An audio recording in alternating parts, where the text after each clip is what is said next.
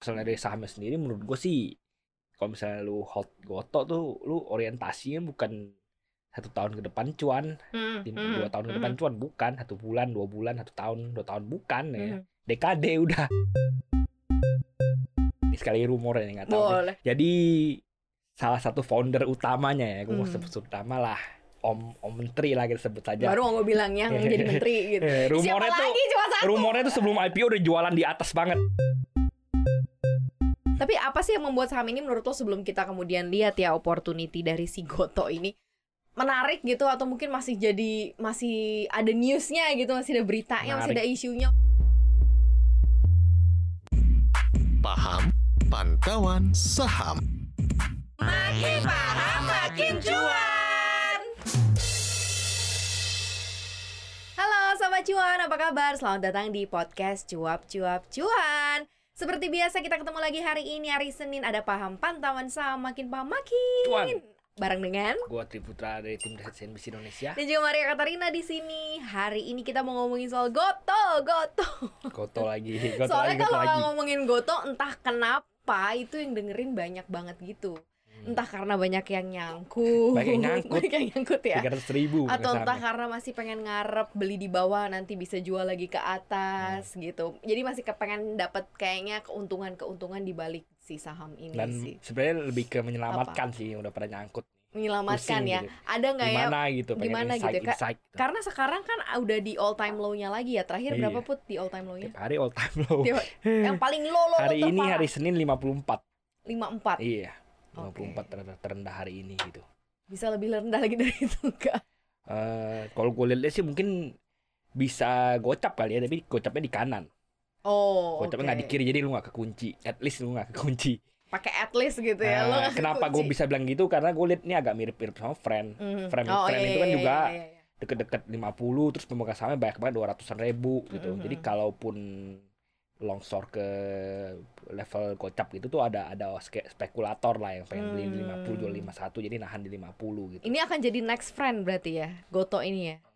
lo ngeliat nggak juga gue bilang apa namanya dari pemegang sahamnya doang gitu. Jadi Oke. pas kayak pemegang sahamnya rame kemungkinan nggak jatuh ke gocap gitu. Kayak friend kan Noel gocap tapi kagak Mhm. tidur di gocap gitu. Mhm. Tapi apa sih yang membuat saham ini menurut lo sebelum kita kemudian lihat ya opportunity dari si Goto ini menarik gitu atau mungkin masih jadi masih ada newsnya gitu masih ada beritanya masih ada isunya masih ada apanya pokoknya Mena- ya menariknya sebenarnya menarik di segi news bukan segi saham. Mhm. Ya, kalau misalnya lu ya tadi gue bilang karena pemegang sahamnya banyak, lu nulis apa pun, lu nulis mau mau nulis ini, mau nulis itu atau lu ngomongin ini pasti ada yang baca gitu karena yang yang pegang banyak gitu. Jadi Mhm. pengen kalau orang pegang saham A pengen tahu ini saham A ada apa ya gitu. oke Jadi, jadi ya karena itu karena basicnya itu biasanya gitu ya. rame gitu. Nah, kalau misalnya dari sahamnya sendiri menurut gue sih kalau misalnya lu hold goto tuh lu orientasinya bukan satu tahun ke depan cuan Hmm, tim hmm, dua tahun ke hmm, depan cuan bukan satu bulan dua bulan satu tahun dua tahun bukan ya hmm. dekade udah. Ya. Kalau kalau harga yang terbentuk sekarang ini menurut lo apakah memang ini sudah sudah fair value, under value atau apa untuk kategori si Goto ini? bicara fundamentalnya sebenarnya saat ini ya masih masih kurang lebih ya Mhm. masih sebenarnya masih bisa bilang beresiko lu masuk ya Mhm. 60-an ya sekarang ya di saat kita ngomong Ya, yang saat kita ngobrol ya. ini ya sobat cuan mungkin nanti bisa di cross check lagi. Kalau lu pengen pengen pengen spekulasi ya ambilnya di 50 50 51 Mhm, karena mhm. menurut gua karena tekanan selnya masih kuat banget ya Hmm. kemungkinan bakal ke sana tapi kemungkinan nggak kunci gitu. Kalau emang lu pengen investasi jangka panjang Ya, ya, ya, ya, ya, bukan ya, lu ya. pengen itu gitu. Orientasi gua ngomong investasi jangka panjang long term gitu karena menurut gua ya buat long term ya oke gitu. Buat long term oke. Iya. Oke, ini statement baru Putra dia. Buat long term. Enggak long termnya dekade ya bukannya 10, long term. 20 Ya, 10, 20 tahun tahun. buat buat anak lu bukan Jadi buat lu. warisan, buat dana pensiun mungkin gitu ya menarik kali ya ini ya Iya. si Goto ini ya. Karena kalau dulu kan kita diajarin pilihlah saham yang kita kenal barangnya, produknya Iya, produknya kita lu pakai. kok gitu. Nah ini kan iya kita pakai Iya. kan. Tapi kayaknya maksudnya performanya nggak seciamik. Misalnya contohnya Karena kalau path to profitability-nya masih belum terlihat. Karena masih rugi gitu masih intinya. rugi Jadi fundamental berperan banget dong di sini gitu ya. Iya, iya. Tentunya kalau dia udah bisa buktikan lu profit ya. Hmm. Misalnya targetnya aja sebenarnya tuh bukan bukan net profit tahun ini apa mereka targetin Ya, Bapak adjusted Epe. EBITDA. Adjusted EBITDA Adjusted EBITDA. itu Oke. profit adjusted EBITDA Iya, dulu iya, gitu. iya, itu iya. tuh kalau misalnya lu denger apa namanya investor-investor luar negeri apa Hmm. investor terkenal luar negeri gue lupa siapa yang ngomong dia bilang adjusted EBIT itu la- laba mengawang-awang Hmm, gitu. hmm, jadi hmm, itu hmm. bukan laba sebenarnya laba gitu. perkiraan ya bukan kayak bukan perkiraan eh EBITDA itu kan kayak misal tax iya depreciation Iya, itu kan pasti terjadi di bisnis kan hmm, gitu. jadi itu cuma laba bikin-bikinan doang gitu. Hmm, EBITDA aja begitu apalagi adjusted EBITDA gitu. Hmm. Jadi sebenarnya cuma laba mengawang-awang doang cuma dibilang supaya bisa laba aja digituin gitu oh I Nah, jadi see. misalnya pet, pet to profitability yang benar-benar profitability net profit sampai ke depannya nanti mungkin kalau mereka mau bisa bagi dividen itu sangat sangat sangat jauh Sangat sekali jauh. masih. Makanya gue bilang kalau lu pengen hold ya bicaranya bukan satu dua tahun. gitu. 10 20 tahun Iya, beranak Sobat lu udah gitu. Tapi kalau seandainya dekade, tapi gitu. kalau dilihat dari sisi uh, bisnisnya lo ngelihatnya kayak gimana sih? Karena kan ini kalau buat dekade berarti dengan kata lain uh, nanti akan jadi menarik as a saham gitu ya kalau misalnya kita lihat 10 20 tahun lagi. Nah, secara bisnis sebenarnya gua kan apa yang dia yang- jalankan kan sebenarnya cukup bisa me- apa ya di- digunakan masyarakat gitu Hmm. dan faktor penggunanya juga dari lini dari GoPay-nya, kemudian dari uh, Tokopedia-nya, dari ride hailing-nya gitu kan semua menggunakan. Sebenarnya yang yang yang bisnisnya yang sudah terbukti profitable tuh cuman itunya doang, the e-commerce-nya doang. Toknya doang, Iya, Tokopedia-nya. Tokopedia-nya doang. Sebenarnya go, Gokar sih sebenarnya dari dari Ubernya sudah udah bisa book profit, Mm-mm. tapi sebenarnya masih jauh dari net profit. Hmm, Nah, misalnya Amazon itu kan misalnya itu udah udah udah bisa net profit gitu, udah benar-benar bisa cuan gitu. Mhm. Jadi ya benar-benar oh ini bisnisnya sound gitu, ke depan Mhm. bisa cuan dengan manajemen yang benar dan apa ini itu segala tentunya kan. Jadi sebenarnya yang yang yang itu yang yang bisa mengerek gotok ya toknya gitu. Mhm. Go-nya tapi jadi beban akhirnya. Ya lebih panjang bukan lebih jadi beban lebih panjang sebenarnya. Hmm. Harusnya seperti Se- apa sih? Karena ada banyak percontohan kayak ride hailing itu yang udah ada juga nggak panjang sebenarnya umurnya. Tapi sebenarnya yang menariknya itu mereka tuh waktu IPO tuh mereka bilang on demand, mereka bakal dikejar profit duluan, adjusted Hmm. EBITDA profit ya mungkin ya, lebih dikejar daripada toknya. Nah, Jadi Oh, ini oke, sebenarnya menarik dia bilang toknya ini justru yang terakhir gitu. Red hailingnya duluan, lalu dari paymentnya apa ada dompet digitalnya, Hmm, dompet GoPay-nya digital, baru GoPay-nya. terakhir kita Hmm. Tokopedia-nya gitu. Tapi ya, men- eh, sebenarnya men- menarik ini lihat mereka bisa buktikan nggak gitu on demand-nya bisa profitable gitu. Hmm. Apalagi kalau cuman nggak cuman adjusted EBITDA tapi bisa net profit karena ya ini Lama nggak sih kalau menurut lo dari sisi mereka untuk ngegulung si Ini nggak, bisnisnya itu? ya gue ngomongnya tuh soalnya dia kan apa namanya lu tahu kalau misalnya orang pakai gokar orang Mm-mm. pakai grab itu kan sangat price sensitif banget ya. Lu lu dia naikin naikin sembarangan sekarang aja udah ada maksim lebih murah orang udah mulai beralih gitu Iya, selalu ada pilihan Iya, selalu ada sih. Kalau yang kayak gini-gini. kalau gitu. gokarnya naik ya, Mm. naik bluebird bisa atau apa Iya, lain sebagainya jadi ya sangat ag- agak susah gitu buat, buat mereka perlu dilihat gimana te- tekniknya bagaimana taktiknya supaya bisa bisa dan cuan dan gitu. bakar uang kayaknya bukan lagi udah Iya udah tidak pastinya lagi udah udah nggak bisa lagi udah karena bisa lagi karena mereka udah ngejar gitu ya. profit bukan growth lagi bakar uang kan mereka ngejar growth.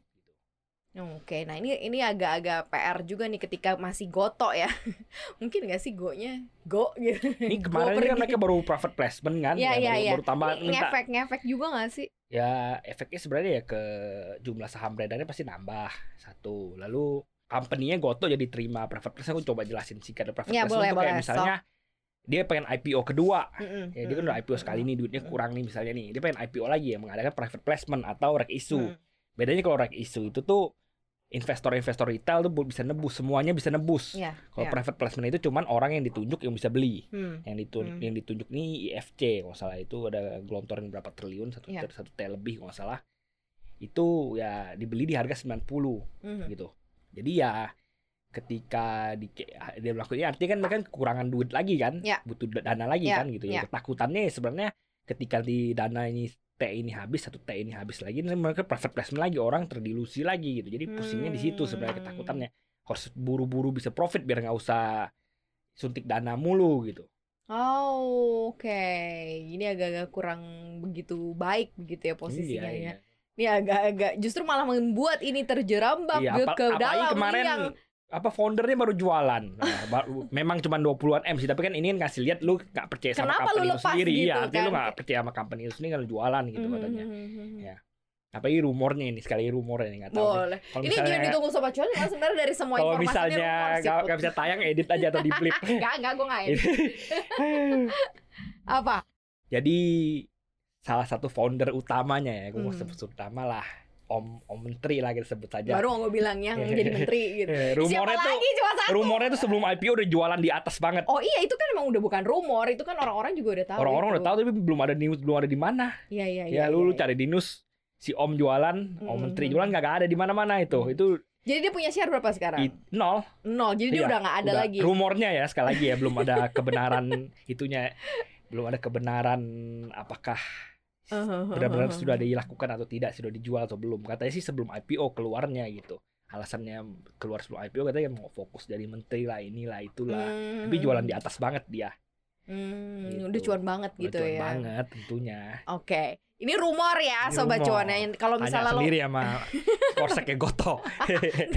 bener bener bener tanya sama korseknya Goto mungkin aja dapat informasi di sana gitu ya. Cuman kalau kita lihat dari prospeknya teknologi sendiri, menurut lo akan seperti apa? Karena kan ini kayak gini nih Goto dengan dengan lini bisnis yang ada tuh kayak gini nih kondisinya secara saham nggak nggak nggak kece lah gitu ya. Mungkin Hmm. secara perusahaan dia lagi lagi berusaha untuk membuat bagus gitu. Tapi kalau secara sektornya, Sektor juga sebenarnya lagi berat kan lagi suku bunga tinggi. Ya Hmm. suku bunga tinggi ini The Fed naikin naikin naikin bunga mulu. Biasanya valuasi saham-saham teknologi kan pakai DCF ya. hmm, hmm, Jadi DCF itu ada komponen salah satunya itu Ya. risk free, Risk free, ya. rate. hmm, Jadi risk free rate itu tuh ya Fed rate itu. hmm, Ya, hmm, Fed rate itu kalau naik naik naik naik ya valuasi DCF makin turun turun turun turun jadi tidak menarik hmm, gitu. Ya, jadi valuasinya makin tidak menarik karena risk free rate tinggi. hmm. Ya kuncinya ya harus bisa bukukan cuan laba. Kalau sudah ada laba ya Ah. perhitungan valuasi udah bukan DCF lagi berarti kan udah udah pakai yang lain misalnya. Oh, oh, oh, oh. Tapi ya ya masih jauh sebenarnya gue bilang masih jauh nih path to profitability-nya masih jauh. Ma dari sisi sektornya juga masih Sektornya juga masih berat. masih cukup berat ya.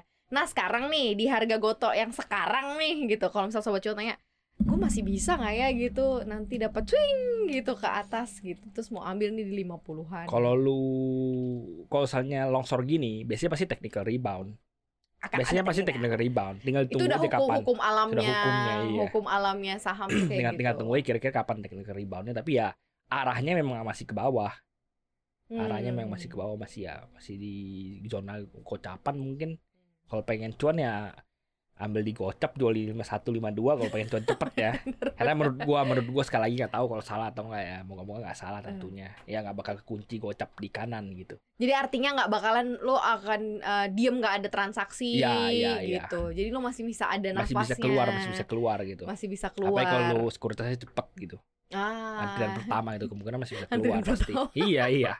Wah ini mah dulu-duluan lu pilih sekuritasnya apa gitu yang yang paling gede ininya ya powernya. Tapi ya memang kalau nge-review emiten yang satu ini ini menarik karena memang beberapa orang-orang di belakangnya cukup terkenal gitu ya di pasar di market ini lumayan cukup dewa-dewa semua isinya. Ya makanya jadi kenapa kok gitu kayak menarik banget untuk kita bahas kali aja nih habis selesai nih kita bahas naik loh Naik, besok rebound. Fashion rebound Ya, kan tapi nggak biasanya. lama.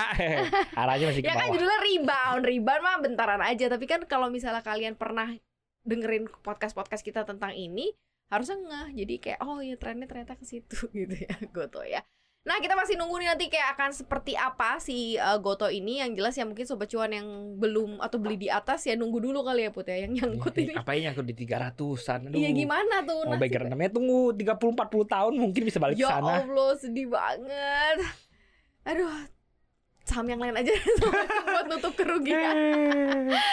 gitu aja sobat cuan ya senang banget kita udah selalu kasih yang bermanfaat supaya sobat cuan tuh makin paham pasti ya jangan lupa untuk dengerin konten podcast kita lainnya di Apple Podcast, Google Podcast, Spotify dan Anchor. Follow akun Instagram kita di @cuap underscore cuan dan subscribe YouTube channel kita di cuap cuap cuan, like, share dan juga komen. Terima kasih sobat cuan. Maria Putra pamit. Bye bye.